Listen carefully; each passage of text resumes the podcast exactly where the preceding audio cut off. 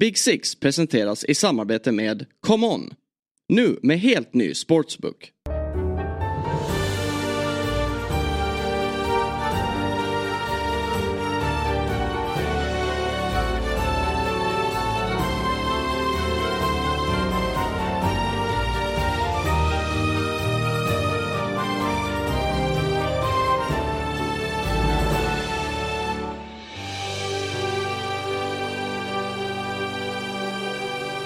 Hjärtligt välkomna till Big Six, podcasten om Premier League. Det är avsnitt 126. Det är den sista november 2023, vecka 48.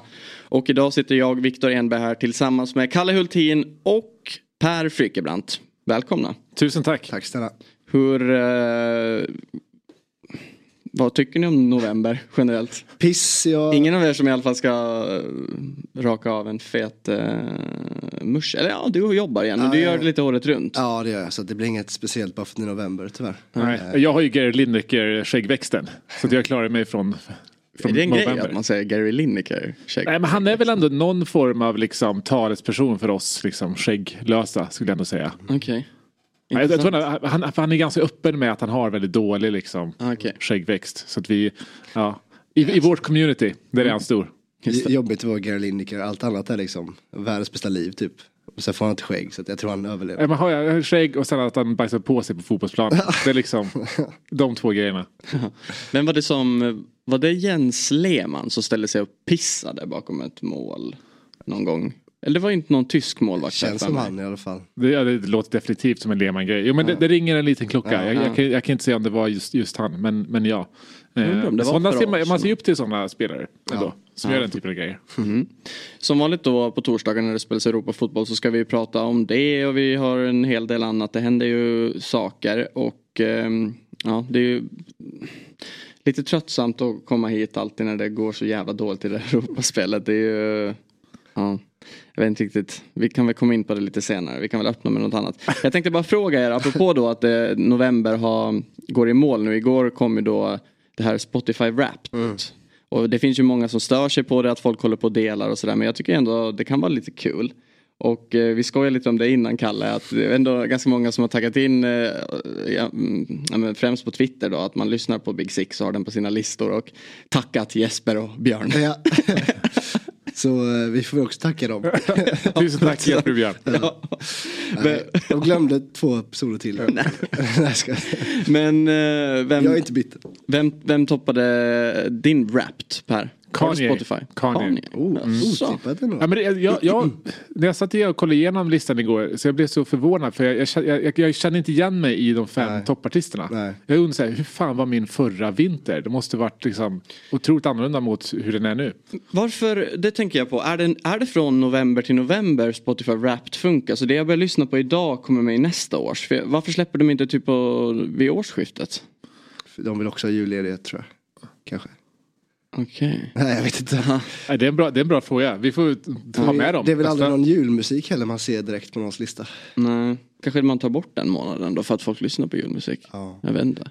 Ja, jag, fattar, jag tyckte också det var lite konstiga på min egna. För att, eh, Vem hade du då som mest spelade artist? Eh, War on Drugs och den, mm. det är verkligen det mest spelade. Det, mm. Så är det bara. Men femma var liksom avantgardet och de har jag knappt lyssnat på någonsin så här, någon gång efter de varit här typ. Men jag tror det är också att ibland så kanske min Spotify står på på någon dator på kontoret. Mm. Så har man spelat den en hel eftermiddag och så, mm. så ja. Det är väl mm. därifrån spelningarna kommer. Vi var, var femma. Ja, men eh, ja, jag hade inte Avantgarde med på min topp fem. Jag lyssnade en del och vi var ju faktiskt och såg dem för några veckor sedan. Vi är lite kompis med Rasmus som sångare och eh, han har ju en väldigt, väldigt stor fotbollskoppling. Han är ju mm. West Ham supporter. Han ska vi ju bjuda in här tycker jag någon gång. Han, det finns ju stories. Han har ju bott ja, i West Ham under mm. långa perioder ju. Eh, eller sa jag i West Ham? Ja, sa jag i London? I West Ham. Han bodde i London ja. och kollade på West Ham. Vem, vilken var din mest lyssnade podd då Per? Big Six. det tror jag inte. jo, såklart. Så tack, tack Jesper Björn. Ja. Din då? Eh, Fotbollsmorgon. Är det så? Mm. Mm. Ja, jag, som att jag oftast proddar det programmet ja. så jag, jag, tror inte jag har en lyssnad minut av Fotbollsmorgon. Jag hade inte, jag hade inte en enda sportpodd på min topp 5 faktiskt. Var... Man konsumerar ju det ändå va? Ja. Mm. Men Thomas Stenström var din etta på? Ja så var det ju. Så var det. Jag gillar Thomas Stenström ja. väldigt mycket. Men Per, senast vi satt här med dig så var det ju Klang och jubel förmodligen. Ja, det var lite annorlunda. Eh, det var väl, jag tror Tottenham ledde serien då. Det måste ni ha gjort. Ja, absolut. Obesegrade såklart. Nu finns det tre plumpar i protokollet. Man är på en femte plats i Premier League. Man är två poäng framför krislaget Manchester United. Chelsea kom till uh, Three Point Lane och sen dess har det inte sett sig men allting förändrades ju efter den matchen. Ja. Jag, jag kan inte ens kalla det för en match. För jag, jag, ser inte ens på det som en match. Det, det, är lite som att bara gå på gatan och så får du liksom en sucker punch bakifrån. Bara, ja. Vad fan var det där? Eh, men det är, allting förändrades ju då. Och det är Eh, inte liksom så att säsongen är körd men hela liksom, förväntningarna på säsongen förändras ju. Nu handlar det mer om att eh, Tottenham har ju jag tror, 10 eller 11 skador nu på, mm. på, på seniorspelare och det är ju nu handlar målet mer om att säga förhoppningsvis i mitten av januari ligger vi inte så långt efter femteplatsen. Det är väl mer där som förhoppningarna ligger. Eh, med, med då också förhoppningen att femteplatsen kommer räcka till Champions League eh, nästa år. Eh, men det är, det är ju de där ska, eh, skadorna som gör det. Jag skulle vilja säga att de här två matcherna som har varit efter Chelsea-matchen. För jag, ja, nu, nu, är det tre raka torskar men som sagt räknar inte riktigt in Chelsea-matchen. Där, det, det är alltså, så mycket hände. Wolves är ju såklart en ordentlig plump i protokollet. Ja. Det är väl den sämsta. såg ut med liksom att de vänder på över. Exakt, äh, övertid. exakt, men det är ju en generellt dålig insats. Villamatchen är ju, det finns mycket vi kan, vi kan säga om den men, men det är klart att säga, ser man till alla chanser Tottenham mm. skapar i den mm. matchen så är det klart att man skulle kunna göra ganska många fler mål än vad man faktiskt gjorde. Eh, Villa förtjänar absolut sina mål men eh, jag, jag, jag det, det, är inte en sån det, det, det är inte en kollaps vi ser. Liksom. Det är det ju inte. Utan jag, jag ser fortfarande att vi ska kunna eh, plocka de där poängen som krävs för att vi ska ha femteplatsen inom räckhåll när mitten av januari kommer. När förhoppningsvis eh, många av de här spelarna som du ska ha är tillbaka. Ser du det då med andra ord som att egentligen gör Tottenham samma sak men att spelarna är för dåliga? Ja, det är helt annat. Ja, men kolla nu, kolla nu i villamatchen. Vi har inte en enda mittback och inte en Nej. defensiv mittfältare på planen. Fyra det, ytterbackar. Som... Exakt, det är Emerson och Ben Davis på mittbacken. Mm. Eh, och jag, nu, nu kommer ju då Romero tillbaka till han är inte tillbaka mot City men därefter. Och det är så här, mittbacksparet med, med Romero och Emerson det finns ju någonting där som kittlar. Jag tror att Romero eller Emerson nu i den här senaste matchen. Han har ju absolut sina begränsningar och absolut en riskfaktor där i backlinjen. Eh, men jag, jag gillar eh, det Postecoglou gör att hellre spela honom för att kunna fortsätta spela precis som han gör. Eh, för att det är så, han har fått mycket kritik nu från, inte så mycket från supporterhåll men från, liksom, från annat håll kring att han fortsätter spela det här spelsystemet trots att han inte har... That's who we are mate. Exakt, exakt. Och det tycker det är väl fullt rimligt att göra när du är så tidig i en, i en process. Men det hade kanske varit lite annorlunda om det här var säsong fyra och det handlar om att säga ja, så riskmitigera kommande sex veckor. Mm. Men nu är det fortfarande ett spelsystem som måste sättas. Mm. Och även om många av de här spelarna inte är startspelare så kommer de vara en del av projektet en, en, en tid framåt också. Men de här skadorna är ju nog i mångt och mycket också ett resultat av sättet vi spelar fotboll på. Tottenhams sätt att spela fotboll är ju att köra 110% i 60 minuter och förhoppningsvis leda med 2-0 mm. därefter och sen göra sina fem byten. När, när du inte längre kan göra det, när du inte kan byta ut spelare efter sex minuter för att du fortfarande jagar, ja men då kommer det skador. Och det är det det har gjort eh, nu. Och nu är det ju, tar vi villamatchen här andra halvlek Tottenham har en seniorspelare att kunna slänga in. Det är Eric Dyer. Mm. Och det var en spelare som inte ens tränade med laget så sent som i augusti. Han får spela liksom trots eh, att han är den enda friska Nej. mittbacken. Det är rätt hårt. Det, det, säger väl en hel del om vart han står ja. i, i hierarkin. Ja, för han var ju otrolig mot den här konstiga matchen mot Chelsea. Liksom. Ja, alltså jag, verkligen. Ja. Det hade ju kunnat vara... Jag trodde jag skulle få lite av en eh, revansch liksom. Ja. Och komma, komma tillbaks i startelvan. Ja, men det hade ju varit säsongens story. Om han hade kommit in där och eh, eh satte kvitteringen. alltså vilken story. Ja, verkligen. Men eh, apropå det med skadorna. Jag har en Premier League injury list här framför mig. Och eh, alltså det är ju många lag som är väldigt skadedrabbade. Och det känns som att det också är en diskussion som man har varje år. Ja. Och va, jag vet ju att inte, ingen här kan ge något svar på det men varför, varför blir alla så skadedrabbade? Tror man att, tror ni, om man bara får sitta och ha, tänka högt. Är det det tajta matchschemat som bara år efter år rullar på med mästerskap som ska tryckas in och säsongen blir längre och det är kort uppehåll mellan alla matcher. Är det så enkelt? Eh, det, det är absolut en stor del av förklaringen såklart. Sen tror jag också att sättet att spela fotboll på är ganska annorlunda nu jämfört med bara fem år sedan. Eh, jag menar, eh, alla kör hög, högt pressspel, det ska vara intensivt. Eh, jag menar, ta som i Tottenham nu, det ska vara liksom full fart i 110 minuter. Eh, du, du har inte längre de här fickorna i matchen i alla lag i alla fall där, där du kan vila. Jag tror att fotbollen idag är en större fysisk påfrestan eh, än vad det var för 5-10 år sedan. Ja. ja, du mäter ju allt med dina västar hela tiden och Exakt. löpkapacitet. Allt sånt har ju blivit, har fått mycket mer fokus. Och sen så känns det också som att det finns inte heller några lätta matcher att kanske rotera en elva med eh, mm. heller. För att det är så många i toppen nu som, eh, som vi ser, det är hur jämnt som helst. Liksom eh, ettan till sexan placeringar. Eh, och då finns det knappt matcher du kan vila en stjärnspelare eller rotera Nej. lite för att alla matcher är precis lika viktiga. Eh, och då kör du väl till slut eh, slut på dina spelare på något sätt. Ja, nej, precis. Men ta Tottenham som ett exempel. Har ju tio spel på skadelistan. Har ju inte Europaspel utan det är bara nej. en match i veckan. Ja. Och till och med det är för mycket ja. för de här spelarna utifrån det sätt man spelar fotboll på. Sen kom ju också, eh, schemat vände ju också såklart eh, mot eh, tuffare matcher efter alla skador också. Mm. Eh, Wolves kanske inte är liksom, tuffaste men de har ändå gjort det bra eh, den här säsongen. Aston Villa kan slå alla lag eh, och nu väntar City borta till helgen så att det, liksom, det har ju också kommit till worst case scenario för er.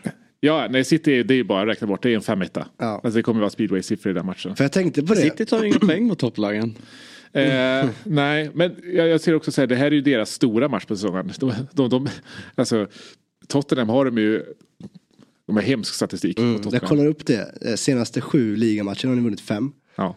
Eh, och under fyra olika managers. Ja. Eh, liksom det, det Mourinho, Conte, Stellini och Nuno. Var en större bedrift att man har fått med de resultaten eller att man har haft så många olika tränare? ja, eh, Bra, bra fråga. Bra fråga. Men det kan man också säga, så här, de här tidigare tränarna som Tottenham har haft som har fått de resultat har ju varit så här, hyfsat lika mm. ändå. Alltså Nuno, Mourinho eh, och Conte. Eh, Postecoglou är ju den diametrala motsatsen ja. mot de här tränarna. Så det talar emot att, eh, att de, den här statistiken ska, ska fortsätta. Eh, tillsammans då med alla skador såklart. Sen är det väl också så att så här, det som passar Tottenham allra sämst är ju lag som ligger lågt och parkerar bussen. Eh, det är absolut inte City så att säga. Så, så spelsystemsmässigt kan det ju faktiskt funka Tottenham ganska bra. Mm. Eh, men ändå svårt att se att eh, City ska ha svårt att penetrera ett försvar med, med Ben Davis och Emerson Royal. Emerson Royal som släppte en ny låt igår. Även om ni har sett den. Jullåt eller? ja nästan. Han, han, ja vänta nu, ja stopp. Ja, han gör musik. Det har jag helt missat. Han, han, nej men han, musik skulle jag inte kalla det. Men, men alltså, jag kan eh, rekommendera att gå in på hans Instagram för det här är nog den mest autotunade låt jag hört i hela mitt liv. Mer än Drake? Eh, alltså tusen gånger mer än Drake. vi, kan väl, vi kan väl göra som så att vi klipper in några sekunder här.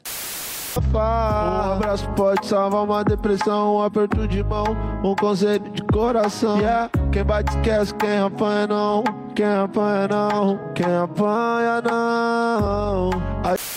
Eh, nej, Emerson är ju en oerhört spännande person. Eh, han, eh, dels som, som mittback, alltså med mittbackar som gör no-look passes är ju, eh, ja, jag vet inte riktigt vad jag tycker om dem. Eh, de är inte hemma i mittbackslåset i alla fall. Vad tycker man om spelare som gör no-look passes generellt?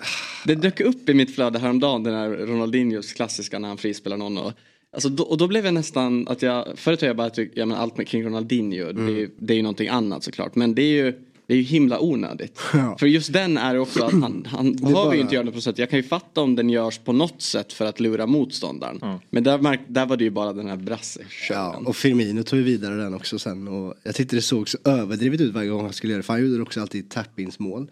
Och slängde verkligen huvudet. Ja exakt, exakt. det är så extremt onödigt för att säga. No look pass, det har ju så här, någon form av funktion. I alla fall i att säga, du, du lurar motståndaren passning någon annanstans. Har du öppet mål ska slå in bollen. Mm. Jag menar, vem försöker du lura? Du vill lura någon att tro att du ska slå bollen åt andra hållet. Jag vet inte. Idioti. Ja, det såg bara så dumt ut varje gång. Men apropå då till den här injury-listan som jag sa att jag hade framme. Um, vet ni vilka lag som är mest skadedrabbat just nu i Premier League och hur många spelare man har på skadelistan? Du sitter ju och ojar dig så mycket nu Per över ditt Tottenham. Ja men Newcastle måste ju vara eh, där också. Mm. De är absolut i toppen men de är inte etta. Är det ditt Man United? Nej, också i toppen. Mm. Nej, jag vet inte. Det är faktiskt Brighton.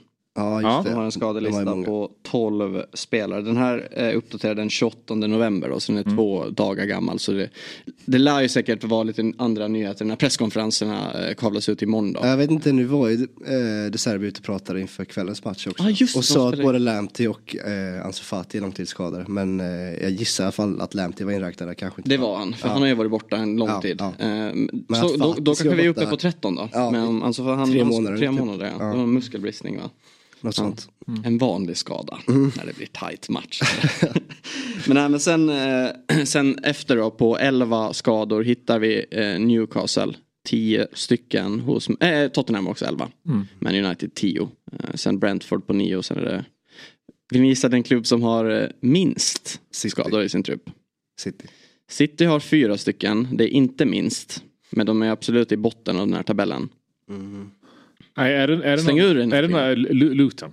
Nej, Luton har sju. Oj, ja. Bournemouth. Nej, också sju. jag säger bara istället ja, för det här blir inget Nej, eh, West Ham, två ja. spelare skadade. Så det är ju David, Moy David Moyes, om man ska säga så då, mm. det kan man ju faktiskt nästan känna sig lite vetenskapligare. Men apropå då det du nämnde mm. varför man tror att det är mycket skador. Just att man spelar på ett helt annat sätt och det är så intensivt och man ska köra. West Ham är ju verkligen det lag i Premier League som spelar eller ja, alltså man kan ju såklart dra in flera av kanske bottenklubbarna och sådär men verkligen tydligt på ett sätt har en spelidé som är långa bollar och alltså ett mer, vad ska man säga, ett mer, nästan mer destruktivt sätt att spela fotboll på. Mm. Så det kanske ger effekt på att man har en helare trupp. Det ska man nog inte negligera helt. Så vi, vi kanske får en revival nu i den här hela skadedebatten. De här gamla eh, vad ska jag säga, reptiltränarna mm. får, får, en liten revival nu. Det har varit väldigt fint. För det är bara den typen av eh, spelstil man kan ha i sånt där tufft matchande. Och då är det väl Bowen och Antonio som är ja. de två skadade spelarna som ja, är två nyckelspelare. Så ja. de har ju ändå, det är ju ändå problematiskt såklart. Mm. Alltså, jag menar i Brightons 13 manna kanske, ja 12 eller 13 vad det nu är så kan det ju, det är ju många spelare som kanske inte är ordinarie. Men eh, ja, lite intressant faktiskt. Och jag tänkte ta vidare det här då för att komma in på Champions League-fotbollen som har spelats. Ehm, jag tänkte börja med, apropå då skadorna, att läsa upp några namn. Så jag gissar att ni kommer sätta vad det är jag läser upp men eh, ett litet quiz i alla fall. Mm. Det låter så här. Ben Parkinson, James Huntley, Michael Ndiveni, Lewis Hall, Loris Karius, Paul Dammet, Martin Dubravka. Vad är det? Eh, Newcastles eh, bänk mot PSG. Precis. Ja. Newcastles bänk mot PSG som inte ens var fylld Nej. till den kvoten bänk mm. får vara. Och en bänk som gjorde noll spelade minuter ja. under matchen. Mm. Mm. Det gjordes ju inga byten. Nej. Och det märktes. Ja. De var trötta. Det är Lewis Hall i så fall som eh, hade kunnat vara tänkt ja, men Paul på. Dammet ja, är ju fin ändå. Ja, Dammet ja. håller i också. Ja. Eh, nej, men det, det, tänkte jag verkligen på när jag såg eh, elvorna inför matchen. Att undra liksom, hur sent han kommer hålla på bytena här nu. För att det är en elva du har och den kommer du hålla fast vid hela matchen. Och så blev det ju med. Eh, och sen så har de ju, enligt mig, ett straffrån emot sig. Alltså, mirakulöst hade alltså, det varit en bragd de hade vunnit den matchen. Absolut. Men alltså all eloge till, Newcastle som har den, den skadelistan och den bänken och åker ändå till, eh, till Paris och spelar så pass eh, ändå högintensivt ja, eh, pressspel. Hela matchen. Eh, på tal om att här, fortsätta köra den här skadningen rakt in i väggen. Mm. Eh, han, han, har ju alla ursäkter såklart för att spela en lite mer vad ska vi säga, pessimistisk mm. fotboll. Eh, men precis som Postecoglou vägrar att göra det. Det är den nya skolan av eh, tränare, liksom att tro på sin idé så länge, liksom, tills du nästan blir galen på något sätt. Ja, och jag, jag, kan, jag kan ju gilla det, för jag, jag tycker ju att, eh, lite bara för att koppla tillbaka till citatet med att så här, eh, fortsätta, eh, som du drog ut det, med, fortsätta eh, oavsett om man har spelmaterialet för eller inte så ska man fortsätta spela sitt spelsystem. Jag tycker att tränare generellt i Premier League har ändå förväntat sig och krävt en alldeles för låg svårighetsgrad av sina spelare. Det här är ändå liksom världsklasspelare vi pratar om. Det är klart att de ska kunna ha i sig att spela sig ur en hög press eh, till exempel. Eh, så, så, jag menar, jag, jag, välkomnar att man gör det. För jag, jag tror att man allt för länge har spelat eh, allt för långt under spelarnas eh, mm. egentliga eh, svårighetsgrader.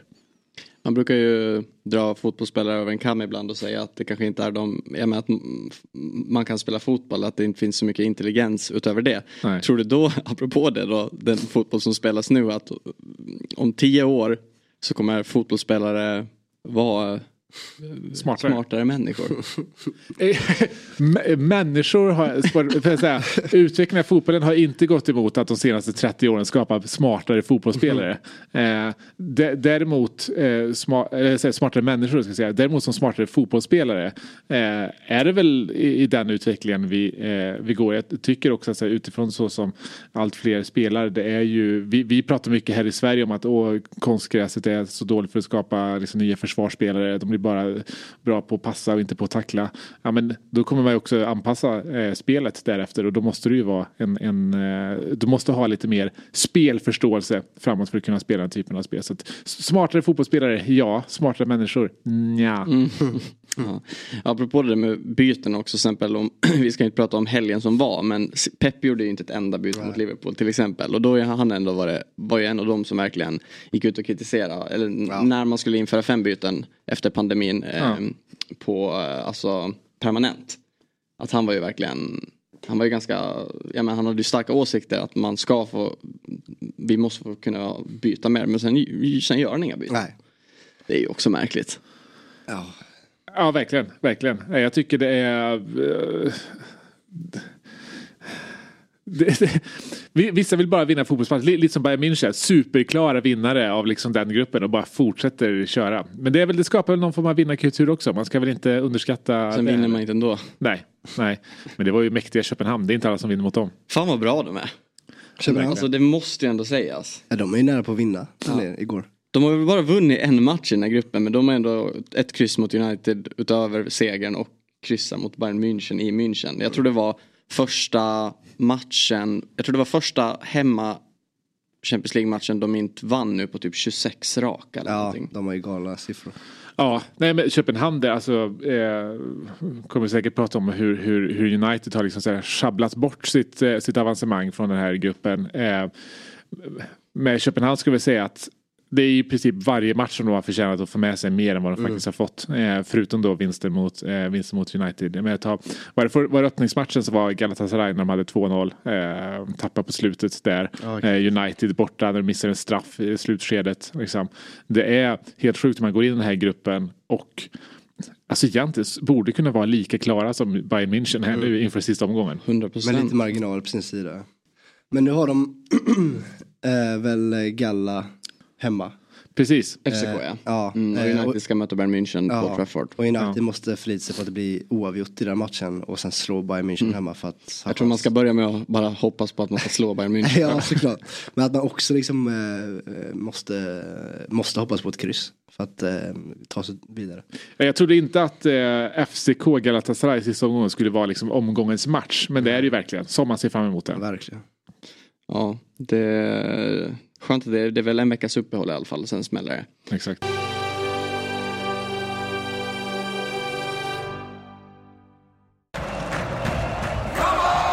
Den är här nu. Commons nya sportsbook med en av marknadens tyngsta betbuilders. Nya spelare får 500 kronor i bonus. Nu kör vi!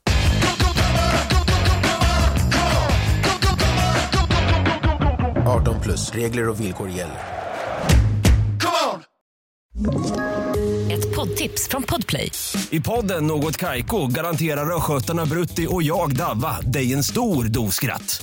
Där följer jag pladask för köttätandet igen. Man är lite som en jävla vampyr. Man har fått lite blodsmak och då måste man ha mer. Udda spaningar, fängslande anekdoter och en och annan arg rant. Jag måste ha mitt kaffe på morgonen för annars är jag ingen trevlig människa. Då är du ingen trevlig människa, punkt. Något kajko, hör du på podplay. Därför är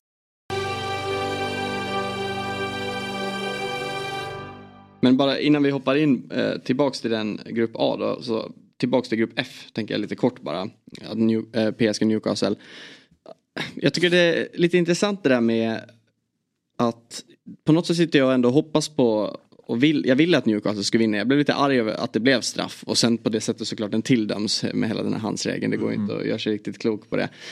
Det åker vi inte diskutera. Nej. Men eh, det är ju jag menar, det är ändå en problematisk klubb. Och de möter ju också en problematisk klubb. Det är ändå ett Gulfderby hur förhåller, hur, hur, jag vet inte, är det bara jag som känner så när man sitter och kollar på det? Är det på något sätt för att det ändå är engelska klubbarna som man, det känns som att om jag sitter och tittar på Chelsea i Champions League eller om Tottenham ska vara i Champions League eller Liverpool eller Arsenal, där, då kan jag, då, är, då kan jag vara glad över sämre resultat. Mm. Men på något sätt med Newcastle så, jag vet inte, jag vill, det kanske har att göra med att, att Alexander Isak ska bli matchvinnare och sådär också, men det finns ändå någonting som, eh, jag vet inte, på något sätt nästan, inte hejar på dem, men jag vill ändå att det ska gå lite bra. Jag, jag dels är det Alexander Isak-effekten, definitivt i, i, i PSG-matchen här. Mm. Sen så finns det nu faktiskt också ett incitament för oss som håller på andra lag att det ska gå bra för engelska lag i Europa. I och med att säga, om det gör det, ja, men då kommer det komma en extra Champions League-plats. Och alla våra tre lag, Tottenham, Chelsea United, är ju lag som är i behov av den där mm. extra Champions League-platsen. För ingen av oss kan ju liksom riktigt räkna hem en topp fyra mm. här och nu. Så. Nej. Och sen så hejar man väl nästan på alla lag som möter PSG också. Eh, för att de är väl alltid värst nästan. Eh, oavsett om Newcastle också tagit på sig den kappan senaste året så är man fortfarande, det är fortfarande för nytt för att man ska ogilla laget känns det Precis. Samtidigt så alltså, man, man, eh, det finns jättemånga saker att säga om projektet Newcastle mm. just nu. Men det har ju varit ett, ett väldigt liksom, sympatiskt lagbygge än så länge. Och att de fortfarande har de här man kvar. Man sminkar ju en gris. Mm. Exakt, exakt. Att, alltså, jag menar den, den bänken som, som du radar upp där. Det är ju eh, svårt att hata den bänken. Eh, liksom. Vi får väl se om i, i januari om det istället sitter, som vi pratade om förra veckan, sitter en Benzema, en Ronaldo och ja, Milinkovic Savic eh, där. Då, exakt, då om, om Viktor fortfarande sitter och hänger på Newcastle Champions League med den bänken. Då behöver ni inte då... tagga in på Twitter i nästa års Wrapped heller. jag sa ju dock förra veckan att det ändå på något sätt kan kittla lite att de skulle få lånas in också. Ja. Så jag vet inte vad, det är något fel. Det är en feberdröm. Liksom. Men jag tror att ja. eh, oron för att de ska låna in spelare från Saudi, jag tror att den är ganska ganska överdriven. Eh, man, man, man, kan ju inte, även om reglerna inte upphävdes nu eller det inte kom en blockad för den här typen av lån så är det fortfarande så att så här, eh, det finns ju fortfarande regler för hur du när du har samma ägare ska liksom distribuera kostnaderna för mm. spelare. Du måste, måste fortfarande, den, den klubben som lånar in måste fortfarande stå för amorteringen då. De ska också stå för liksom, eh, lönekostnaden. Och det här är ju spelare som har valt eh, den saudiska ligan av just löneskäl. Så jag, jag ser det än så länge som, med nuvarande regler ser jag fortfarande som ganska osannolikt att det skulle komma en sån ja, lånevåg från Saudiarabien. Ja och dessutom är ju de i säsong och eh det känns ju ändå som att eftersom att som man satsar på den ligan och den här piffonden och som har eh, fyra klubbar där då. Eh, vad, eh, de har ju ändå så stort maktspel i Premier League som det är. Än att man ska, då ska skicka sina stjärnor från saudiska ligan som man verkligen satsar på om man vill komma in i Champions League och allting. Det drar ju också ner på kvaliteten där. Sen, sen kanske inte så många i Europa sitter och streamar de matcherna, men ändå. Nej, precis. Och som vi har pratat om många gånger förut, det här är ju ett projekt från Saudiarabien för att liksom lansera sig själva som ett turistland. Det hade varit väldigt konstigt om de då eh, liksom ett halvår in på den här satsningen börjar skicka iväg spelarna. Mm. Jag menar, de gör ju det här för att bygga sin liga. Mm. Eh, jag tror inte det handlar så mycket om att, eh, eh det är klart, Piff ville bygga Newcastle eh, också såklart. Med, alltså, anledningen till varför man har värvat in de här spelarna är nog mer för att bygga ligan än för att hitta vägar runt för, eh, för sina andra, ehm, eh, andra klubbar istället att, att nå eh, sportsliga framgångar. Man kanske gör tvärtom och skicka inhemska spelare istället för att bygga upp intresset för Saudi-arabiska spelare. Det skulle de kunna göra. Dock är det inte en enda spelare som skulle nå, som skulle vara önskvärd. Nej. Eh, Då ser vi hellre liksom så här, os ja, okända engelska efternamn på den bänken. Ja. Eh, Exakt. några andra. Vad tror ni då inför den sista omgången för Newcastles chans att ta sig vidare till slutspelet? Och de måste ju alltså då vinna mot Milan och samtidigt som Dortmund inte förlorar mot PSG. Och ett Dortmund som är vidare och klara. Dock kan de ju tappa första platsen i gruppen om PSG slår dem. Mm. Eh, med två bollar då har de ju bättre målskillnad. Ja det är otroligt att Dortmund... Eller nej, så är det inte alls. Det är ju inbördes. Så Dortmund är väl... Eh, Nej, nej, det är Newcastle som har bättre ja. Eh, inbördes mot eh, just det. Ja. Nej, det är jag som snurrar. Ja. Nej, men att Dortmund skulle eh, vara klara med en omgång kvar trodde väl ingen. Så att gärna Dortmund Newcastle vidare för min del. Ja, alltså jag, jag, tror Newcastle var ju pinsamt dåliga i första mötet mot PSG. Eh, och eh, det är klart att det är ett annat, ett annat Dortmund. Nej, nu tänker du fel va? Nej. Nej, alltså han menade att Dortmund var pinsamt dåliga men du sa Newcastle. Ah, för Newcastle slog ju PSG. Ah, ah, det hade varit hårda krav. 4-1. Vi klipper bort det här vi sa till rätta Per så låter vi det bara ja. Jag håller så mycket på Newcastle att jag vill se ja. något bättre. Nej men Dortmund var pinsamt ja. dåliga i första mötet eh, mot, eh, mot PSG och eh, det är klart att Dortmund är ett annat, annat lag nu än vad de var då men PSG har ju också, eh, tycker jag, presterat kanske lite bättre än vad, vad, vad, vad poängen visar. Eh, jag menar chansen de skapar mot Newcastle de ska ju gå därifrån med tre poäng. Ja, de hade sex i XG när matchen var slut. Liksom. Exakt, exakt. Det, är, det är sinnessjukt ja. att man kan komma upp i sådana såna siffror. Mm. Eh, men, eh, eh, nej men, eh, svårt att säga om. Det är ju alltså det hela, den här gruppen har ju verkligen levt upp till sitt rykte. Alltså, gruppspelet i Champions League har bara för mig handlat om den här gruppen. Mm. Inga av de andra grupperna har varit liksom tillnärmelsevis eh, intressanta. Men grupp A? Grupp A, vilka, vilka har vi i grupp A? Manchester United, Bayern München, Galatasaray, FCK. Ja, den, den, det är väl, den, det är väl den, men den, den är mer intressant av andra anledningar. Mm. Bara, den är intressant för att man vill följa United. Ja. eh, och vad som händer, vad som händer där. Eh, Nej, och att, eh, att Dortmund efter sina första, inte bara första matchen utan kanske första två matcher, att de är klara inför sista omgången är det är sinnessjukt. Mm. Eh, och man, man trodde att PSG bara skulle liksom promenera igenom eh, den här gruppen. Det är så fint att de ständigt har problem med sitt Champions. Alltså det aldrig går som de tänkt sig. Nej, nej exakt. Att, exakt. att det är konstanten sen de kom in i turneringen typ. Liksom. Ja. Och det är vackert. Mm. Vi förflyttar oss till gårdagen då och 18.45 med Welcome to Hell inramningen i Istanbul. Och i, först och främst bara, det är ju det är väldigt kul tycker jag, eller på något sätt med både FCK och Galatasaray. De, är ju, de, ja, de har ju såklart levererat i det här gruppspelet men också just alltså, ur ett supporterperspektiv, jag sa, tror jag sa det efter FCK-matchen också, då körde de ju Theater of Nightmares och mm. nu körde ja. Galatasaray det här. De, de får ju verkligen smaka på de här bortamatcherna. Men, uh, ja, det... ja, vad ska vi säga? jag tyckte det var lite kul också med, för att bara gå lite kring matchen. Ja. Försöka komma bort från det. Um, att de, de gick ut med att det skulle vara mobilförbud i Galatasaray-supporten. Att man fick inte filma, det ska bara sjungas och stötta laget. Och det första som hände från, bild, alltså från sändande eh, bild var ju att när de gick in på planen så filmade, var det någon, filmade de liksom någon som stod och filmade tifot. Ja, informationen gick inte riktigt ut. Nej, inte till alla. Nej, men, men det är ju, alltså med United, det känns som att det har varit så i varje eh, omgång i Champions League att de kommer från en, en liksom vinst i ligan och så öppnar de bra, de gör en bra första halvlek och så tänker man ja, men nu, nu, nu är de bra, nu vänder de på det här, ja. nu kommer de hitta liksom, det vinnande spåret. Och så hittar man något sätt att liksom, fucka upp det i andra halvlek. Varje oh, omgång League. Onana som är där igen. Liksom. Ja men exakt. Ja, men igår, får man faktiskt, igår får man faktiskt säga att det var bara Onanas fel. Ja. Man hade ju vunnit den här matchen annars. Ja. Absolut. Två dundertavlor. Ja. Absolut. Sen tycker jag att det andra eh, eh, målet eh,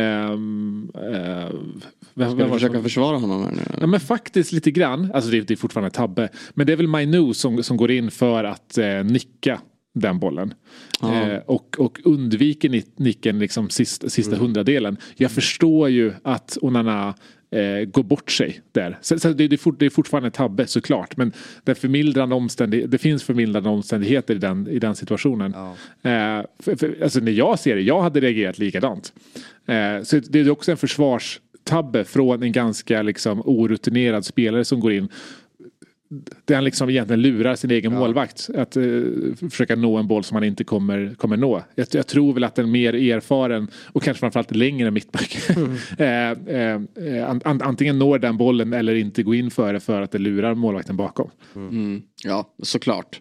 Men det är ju det är mer det är bara obeskrivligt hur han slänger sig till höger och lyckas slå in bollen i mål åt vänster på något vis. Ja, men han lyckas ju alltid, alltså även fast det är tabbar så lyckas han ju få tabbarna att se ganska spektakulära ja. ut. Eh, det är hans edge. Och sen så har han också dribblingen uppe på mittplan va? Den är ju snygg. Den är snygg. Ja. Den, den, tycker jag kompenserar för tabbarna. Då är det lugnt. Men alltså det är så problematiskt för jag, jag, tycker, jag tycker fortfarande om Onana. Mm. Och också, han har ju faktiskt spelat upp sig Alltså, i Premier League. Det är ju någon, det är ju någon ja, förbannelse. Flest nollor av alla. Ja, men det är lite samma sak som Rasmus Höjlund som toppar skytteligan i Champions League inte kan göra mål i Premier League. Ja. Onana kan rädda bollar i Premier League men kan inte göra det i Champions League. Det är ju det är främst här i CL. Han har ju verkligen radat upp alla de här ja. konstiga Det är intressant med sådana spel, alltså hur, hur annorlunda Champions League är från ligaspelet. Du, du säger liksom, han var ju otroligt bra i helgen mot Everton. Gabriel Jesus är likadan. Ja. Han kan ju inte göra mål i liga men vad har han uppe på? Jag tror jag såg att han var uppe på 24 ja. CL-mål. Han sa ju själv i en intervju att jag är ingen mål Nej. Jag är inte bra på att göra mål. Nej, Nej. det är inte min största egenskap. Men i Champions League öser han in mål. Ja. Ja. jag satte på Arsenal faktiskt eh, av 21 matcher när de gick igång. Ja. Men det, jag, jag såg 27 minuter, sen bytte jag faktiskt till FCK, eh, eller Bayern FCK. För att jag ändå ville se, jag ville hoppas att Bayern skulle kunna vinna. Men det var, alltså, det var, det var sån slakt mot stackars ja. Lans alltså. Ja. Herregud. Och de, det var så också lite sådär som vi har pratat om någon gång, eh, apropå när han kom bara in i det där stimmet och allt ja. han rörde bara gick in i mål. Det var lite så med Arsenal också. Ja. Så i 4-0. Och fin revansch för Kai Havertz som vi har slaktat här sedan säsongstart ungefär. Nu har han ju ett mål eh, för Tyskland som vänsterback. Avgjorde matchen mot Brentford senaste ligan och eh, öppnar väl målskyttet här också. Så att eh, nu kommer tysken. Ja. Helt plötsligt. Är du glad över det eller? Ja, men jag tycker vi har slaktat han så ja. hårt på något sätt och det har väl jag varit ansvarig för själv. och nej, men, fint att han i alla fall kan få göra lite mål för en skull så han inte blir helt eh, slaktad hela säsongen.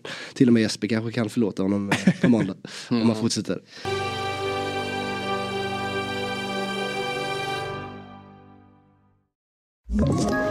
Ett poddtips från Podplay. I fallen jag aldrig glömmer djupdyker Hasse Aro i arbetet bakom några av Sveriges mest uppseendeväckande brottsutredningar går vi in med hemlig telefonavlyssning och, och då upplever vi att vi får en total förändring av hans beteende. Vad är det som händer nu? Vem är det som läcker? Och så säger han att jag är kriminell, jag har varit kriminell i hela mitt liv men att mörda ett barn, där går min gräns. Nya säsongen av Fallen jag aldrig glömmer på Podplay. Men United då? Man har ju alltså släppt in 14 14 mål på fem Champions League-matcher. Mm. Det är... Eh, jag tror det är rekord. Första ja, laget någonsin att göra det. Engelskt ja. rekord i alla fall. Och också att man har gjort tre mål eh, på, i alla bortamatcherna. Alla tre. Mm. Utan ja, och kommit därifrån med noll poäng. Det är det... nästan en större bedrift. Ja, verkligen. Man gjorde, det blev väl 4-3 totalt eller det vart 5-3 i München, jag har glömt bort. Ja, Casemiro gjorde väl. De gjorde en massa mål i slutet. Ja. Men så gör man nu på Parken mm. och nu igår då. Mm. Mm. Det, eller man har ju kommit med ett poäng då. Man tog ett poäng igår. Så, mm. ja. Men alltså det är ju ja, det är starkt. spektakulärt.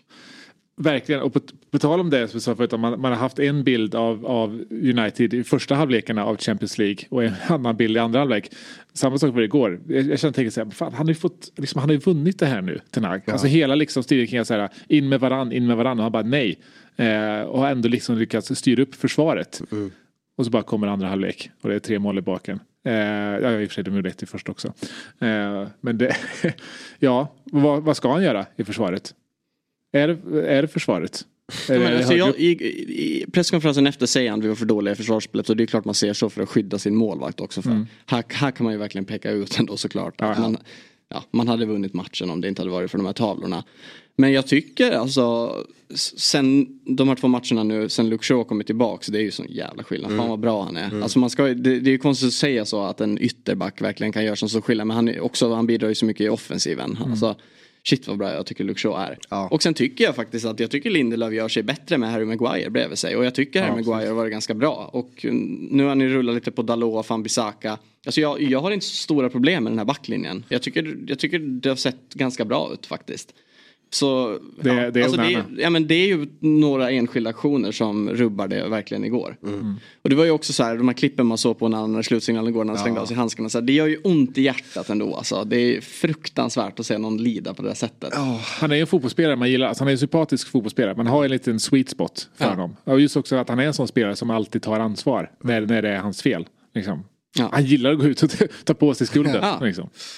Nej, så det är ju tufft såklart och fan vad jag, jag har man har blivit lite så att vissa matcher, även fast man avgör sent och man, jag menar Everton-matchen och sådär och Garnacho-mål, det är klart man flyger upp då ur soffan för det är ju så spektakulärt som det är. Men att man kan bara vara så här, typ när Bruno dunkade in den där, då var jag mer bara så här, man bara oh, mm. men ändå höll sig ganska lugn. Men de här sista minuterna, när man ändå forcerar, Martial har ju ett ganska bra läge, Pelistri kommer in där. Och, eller det är främst när Martial tycker jag, när han drar nästan en kille för mycket, bara skjut, att man verkligen skriker på dem. För, alltså som, det, det var verkligen en match som, varför var det bara tre minuters tilläggstid?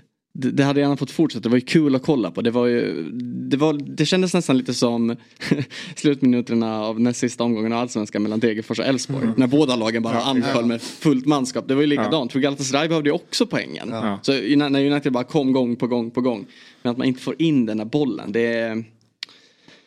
Ja, det, det är så jävla tråkigt. Och jag hoppas, om det nu inte ska lösa sig, att man i alla fall inte kommer tre i den här gruppen. Du åker hellre ur helt än att spela, spela Europa, Europa League? Ja, jag gör faktiskt det alltså. Ja. Hur hade du gjort?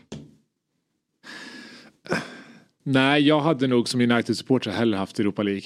Um, dels alltså, det, det är fortfarande en, en rimlig väg in i Champions League. Uh, men, men, men sen så tror jag väl att sådär, men å andra sidan, jag är Tottenham-supporter, jag tar ju alla titlar jag kan få. Eh, liksom. men, men, nej, jag, jag, tycker att det är, är, den mentalitet som det borde ändra.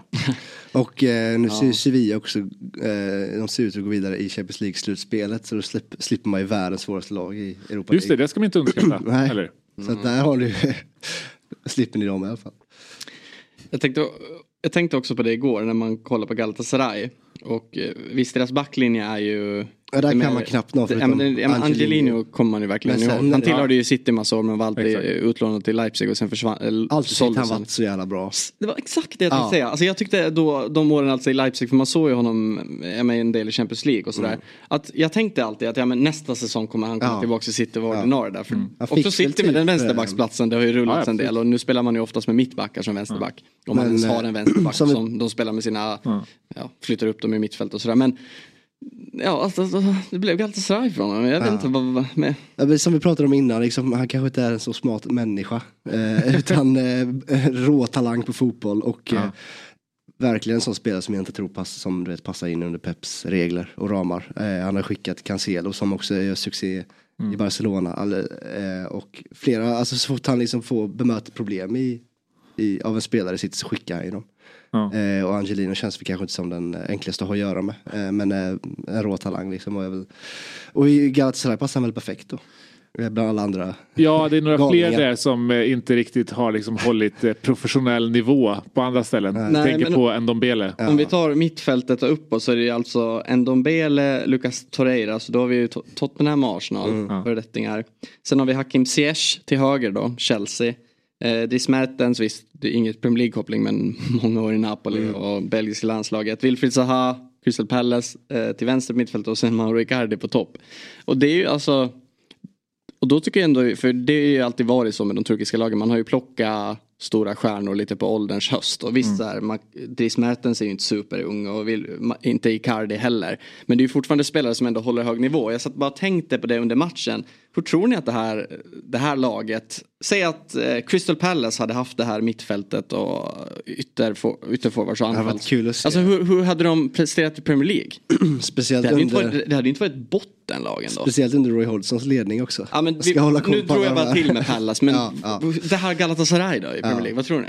Ja men det är ju eh, du vet, den klassiska teckningen med någon som eh, ritar en häst. Så att säga. Mm. Eh, ansiktet är jättefint och liksom baken är liksom ritat av ett barn med vänsterhanden. Typ. Ja. Det är ju Galatasaray. Det är, ju, det är ju bara den där uh, fronttrion som skulle kunna ha i, i Premier League att göra.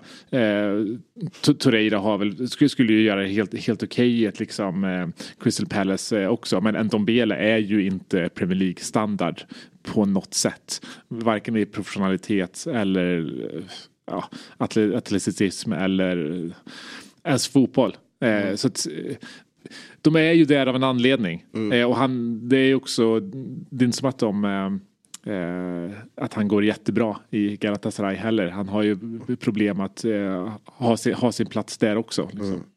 Sen hoppade ju eh, Aktor Kuglu in och eh, stod för ett jäkla drömmål. Så eh, han kanske också är någon man glömmer här som eh, har gjort succé i Premier League. Precis. Det Men det är, så här mål i den här matchen. Ja. Det är så här ett turkiskt lag ska se ut. Det är ja. precis det här man vill ha. Ja. Eh, så det är man ju väldigt glad för. Mm. Apropå Ndombele, han, var, han vann ju ändå Scudetto i fjol. Ja. Ja, men det var inte tack vare honom. Nej, kanske inte. Han gjorde ändå 30 ligamatcher i Napoli i fjol. Ja, strunt samma då. Det kommer i alla fall, vi kan ju konstatera att det kommer bli tufft för uh, United att uh, lösa det här i den sista omgången. Vill du Sen, slippa Europa League eller? Jag har ju precis sagt det. Ja, du sa det. Ja. Ja. Jag hörde där inne. Ja, tydligen. Ja. Sa du typ två gånger? Ja, jag hade jättelång utläggning. Så jag vet inte vad... Vi klipper det.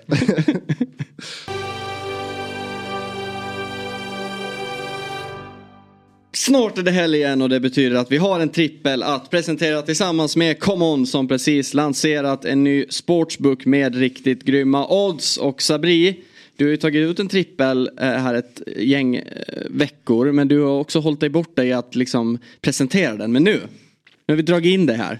Ja men nu känner jag mig het efter landslagsuppehållet. Jag är en av en. Och nu ska vi bli två av två här. Och eh, nej, men jag har hittat en riktigt fin trippel till helgens Premier League-matcher. Och jag valde mellan lördagen och söndagen. Jag valde söndagens matcher. Eh, och först ut är Liverpool, Fulham. Liverpool att vinna båda halvlekarna. Så har vi lite stats på det. Liverpool har vunnit 6 av 6 andra halvlekar hemma och 4 av 6 första halvlekar hemma. Så jag tycker den i sig är väldigt, väldigt fin. Så Liverpool att vinna båda halvlekarna på Fulham, jag ser en överkörning. Chelsea-Brighton, båda lag ger mål. Är det väl, den är väl inne efter 10 minuter. Och så tror jag faktiskt att West Ham slår Crystal Palace på hemmaplanen. Oh, ja. Jag gillar den. Vet du vad oddset är? Nej, får jag höra? Eller vet du, vet du vad jag i alla fall vet att det är? Boostat. Ja, det är boostat. Det är rejält boostat. Nio gånger smeten. Uff. Förra veckan var det 8,50. Den satt vi. Och nu är det nio gånger smeten. Fantastiskt. Och uh, vet du var man hittar den då? På Common under experter. Exakt. Common.com går man in under fliken som heter experterna. Ah. Inte expert, men ja, du är rätt på jag, det i alla fall. Jag tänkte, finns det fler än mig? Vet inte faktiskt Aha. riktigt hur de, hur, de, hur de har styrt ihop det där borta. Men du, du, det är bra att du ändå har lite storhetsvansinne här. Det, det, det är betryggande inför söndagen. Som, som sagt, gå in där. Eller så kommer vi också länka det såklart på vår Twitter. Där heter vi Big Six. Kom ihåg att du som spelar måste vara minst 18 år, spela ansvarsfullt och har du eller någon i din närhet problem så finns stödlinjen.se. Vi säger stort tack till Common som är med och möjliggör Big Six. Yes.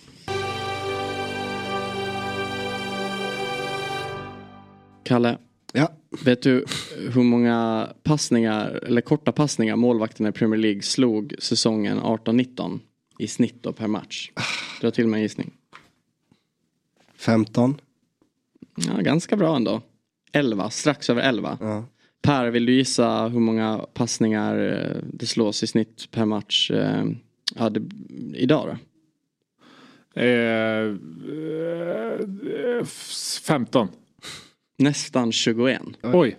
Ja. Det, säger, det, det, det, det är Athletic som har eh, här i dagarna skrivit en liten artikel kring mm, ja, men just eftersom att det är ju det är ganska mycket på agendan att det görs mycket misstag. Man såg ju i helgen bara det slogs bort en hel bollar. Kanske inte alla som ledde till mål men ändå som ledde till skott mm. på mål.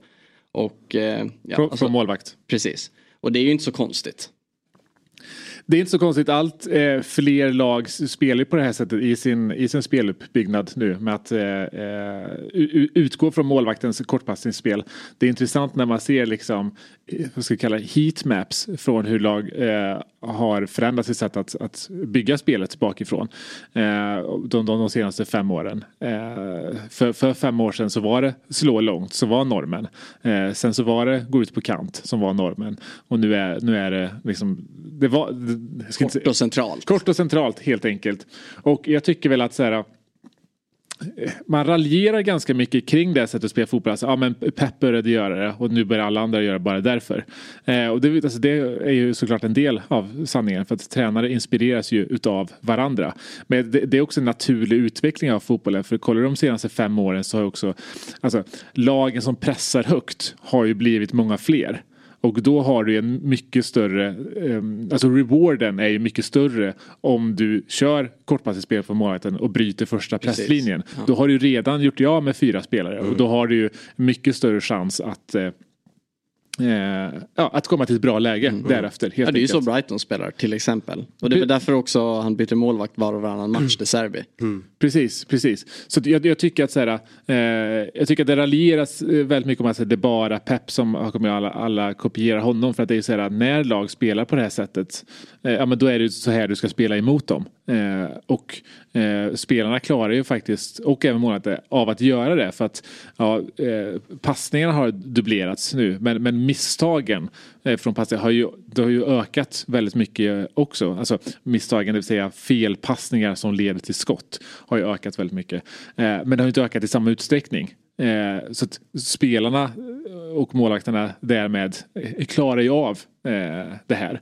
Sen kollar man statistiken på vilka, vilka lag som släpper till allra mest liksom expected goals efter eh, en, en eh, ja, felpassning från målvakten så är det ju inte liksom Brighton, United och City som är, som är i topp. City tror jag släpper till minst, eh, minst antal chanser efter felpassningar. Utan det är ju lagen som inte är så vana att spela på det här sättet mm. och sen så är det Arsenal och Tottenham som ligger mm. det. Och det, det, är lag som precis har börjat spela så här. Så det är ju kanske också normalt att man eh, in, inte klarar det fel felfritt än. Men det är för att de här lagen då kan vi tolka, för, så att säga, risken är kanske överdriven eh, då. I och med att så här, lagen som spelar eh, så här när de tappar bollen, ja men då har de också fler spelare där nere för att kunna hantera eh, en felpassning. Eh, Tottenham har gjort enorma eh, felpassningar så till mycket, mycket skott från eh, felaktiga uppbyggnader från, från Vicario. Men jag kan inte erinra mig ett enda mål som han har släppt in. Eh, några mål som han skulle ha släppt in. Jag menar, mm. Gabriel Jesus fick typ ett öppet mål som han brände. Så det, det hänger lite på vad spelarna har, har, har gjort också, eller motståndarspelarna. Men jag tycker kanske faktiskt att risken i den här typen av spel är lite överdrivet. Eh, speciellt med tanke på hur mycket större rewarden eh, är för det. Och det är ju lite intressant också hur den här statistiken görs. Vissa målvakter kan ju ha en bra passningsprocent mm. och tillhör ett av de lagen som släpper till mycket. Men det kan ju också vara att den målvaktens passning är lyckad som framgår här också. Men Mm. Alltså om den spelaren går till spelaren sen kan man exakt mm. som är otroligt pressad och tappar det därifrån. Exakt. Det och då känns det som att det landar ju ofta på målvakten. Men det är i alla fall lite intressant där just när man säger att United är verkligen ett av de lagen i botten ja. av den här statistiken. Från att inte göra så många misstag sett till då den kritiken som riktas mot Onana. Sen är, har ju kritiken varit att man... Eh, han är inte, att han, han är inte bra, exakt, han är inte bra med händerna istället. Mm. Man har värvat en målvakt som är bra med fötterna. Mm. Men, men om man bara Alltså om man eh, går tillbaka då säsongen, ja men för sex år sedan. Så då hade man behövt se 11 matcher för att se ett skott som orsakas av ett, en, ett målvaktsmisstag. I, alltså, alltså färre än en chans per helg eller per omgång. Mm. Idag, är vi, idag är det alltså snittet på en, ett sådant i, för var sjätte match. Mm, mm. Så det är ju det är en jävla skillnad alltså. Och det känns som också, det är liksom, det, tränarna ser så mycket mer vinning i det än att ett mål kan komma i baken lite här och där. Att man, man som du också sa för några eh, helger sedan, där again, again, again som mm, mm. Ange håller på med. Liksom, att fortsätta spela, tro på den här idén, eh, det kommer löna sig liksom. Trots att det kanske många gånger är nära eller till och med blir ett mål i baken. Eh, att de nästan dör på den kullen, många tränare nu. För att sätter du den här passningen som tar sig igenom första pressen på ett motståndarlag så är det så mycket vunnet. Och minnar ut i ett mål framåt så är liksom, då, då har vi verkligen lyckats liksom. Och då, då kommer vi alltid fortsätta på det här sättet. Mm. Eh, men i, i Chelseas fall så det är kanske den största frustrationskällan idag nästan för att man blir, man blir galen så fort eh, det inte lyckas. Eh, och man bara sitter väl hemma och skriker att man skickar den långt nu då när mm. det inte funkat på tre försök liksom. Och det är en av anledningarna till att vi tappar poäng hemma mot Arsenal är för att Sanchez slår en pass som går lite mellan två spelare och Declan Rice slår in den. Och ibland när jag kollar på Chelsea och Sanchez står så är det ofta som att det upplevs som att han är den enda som har fått den här informationen, Sanchez. Att vi ska spela ut bollen mm. bakifrån liksom för att spelarna görs inte ens tillgängliga ofta liksom. Så att eh, jag vet inte, det har väl inte satt sig så bra just i, i Chelseas fall. Nej men det ja, exakt, det är väl en orsak till att inte Serbi ville ha Sanchez ja, heller. Ja. Men, men jag tycker ändå det är, det är ju roligare fotboll att se på än att man skickar långt. För då, apropå då om man går tillbaka igen sex år, så då var alltså eh, i Premier League den säsongen så slogs 42% av målvakternas upp, alltså deras passningar i öppet spel. 42 alltså slogs, eh, då slogs bollen längre än 36 meter. Den här säsongen är det nere på 25 Mm. Ja. Det är markant. Det, det, det, är en eh, det är markant skillnad men jag tycker den här statistiken visar också att, här, att, att, eh, risken är överdriven. Att det tar sex matcher då eh, för det här sättet att spela att leda till ett, ett baklängesskott. Jag menar. och det är ju faktiskt bara ett skott. Det är bara ett skott. Ja, det är inte Exakt. ett mål. Nej. Så gör du ett mål på den här typen av spel på, på, på, på sex matcher så har du redan tjänat igen mm. sättet du spelar fotboll på.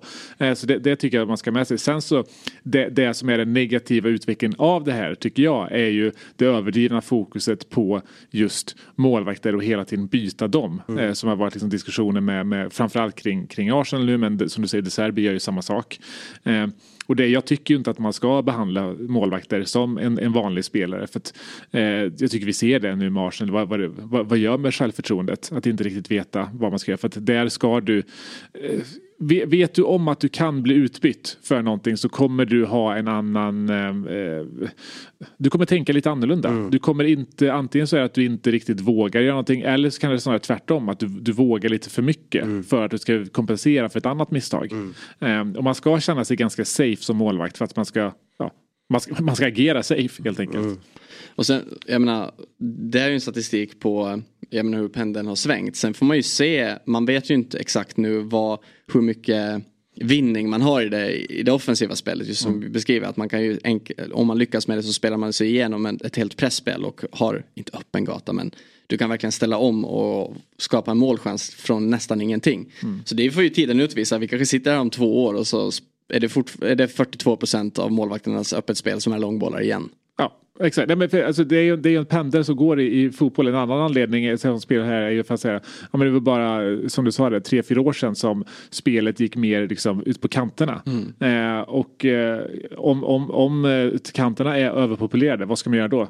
Ja men då ska man ju liksom populera mitten istället. Så att säga, det, här, det här är ju en pendel som mm. går åt olika håll hela tiden. Men det blir intressant att se vart, eh, vad, vad, blir pendeln efter det här? För det har varit ganska naturligt. Det så här, från långbollar till lite mer mot kanterna till eh, eh, liksom, lågt i mitten.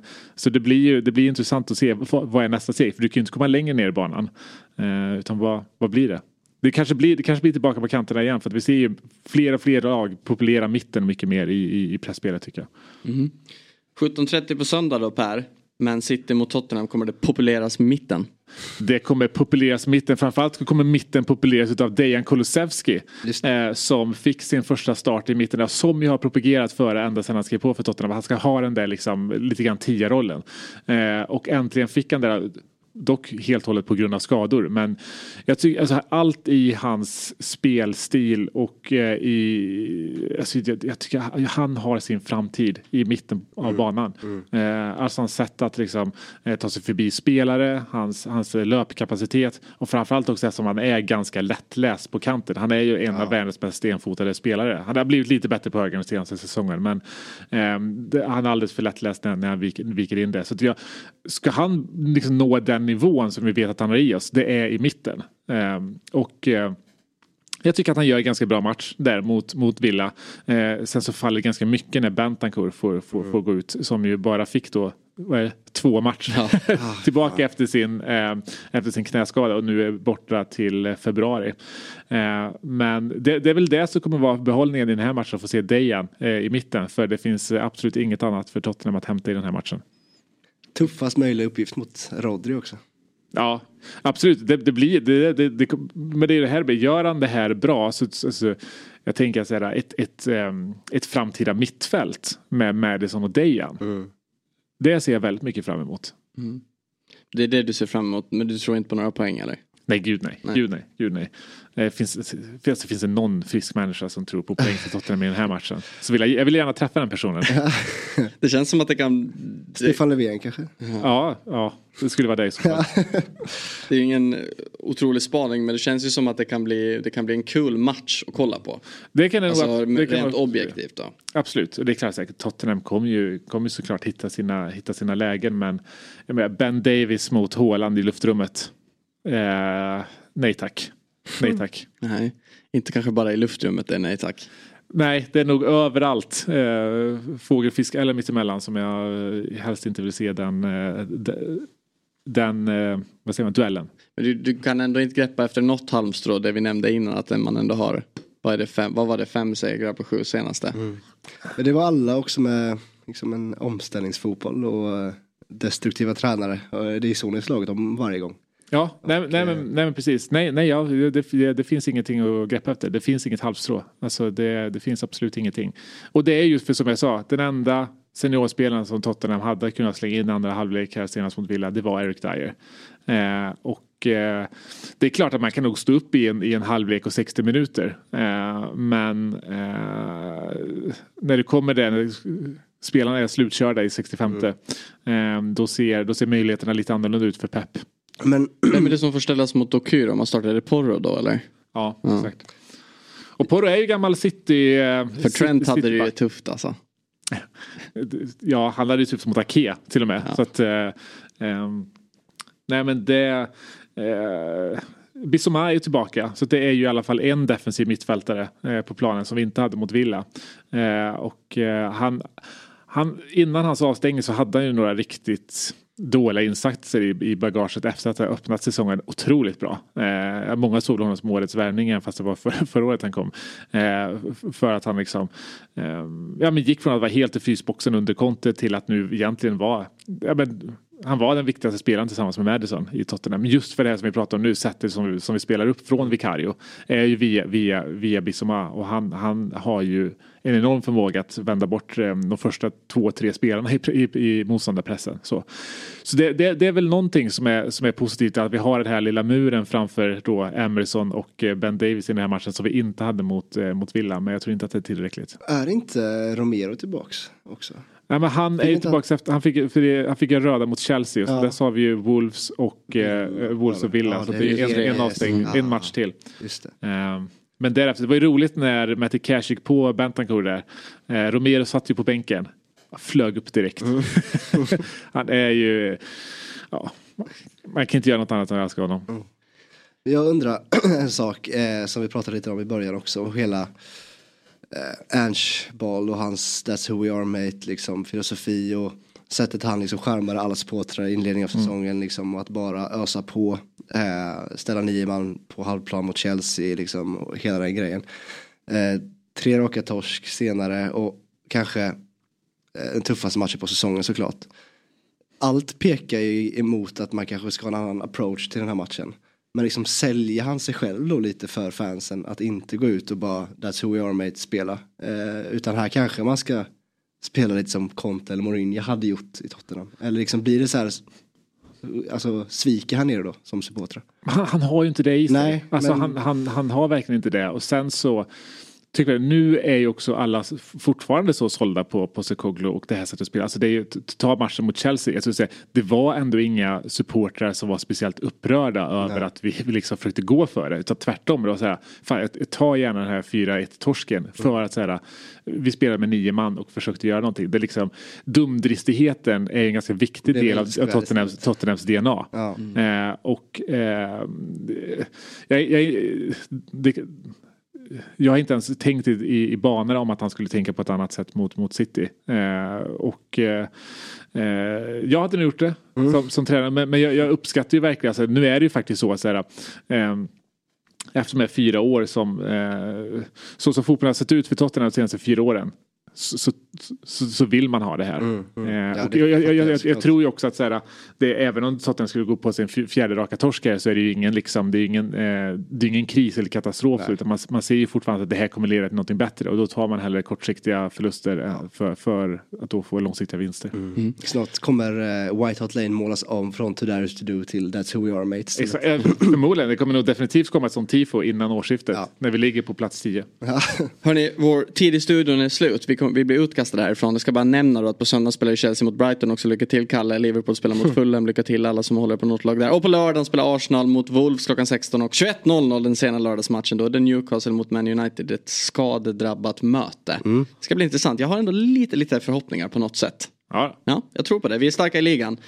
Och det kommer att pratas väldigt mycket mer om de matcherna på måndag såklart med Jesper och Björn. Missa inte det. Ha det fint. Hej då.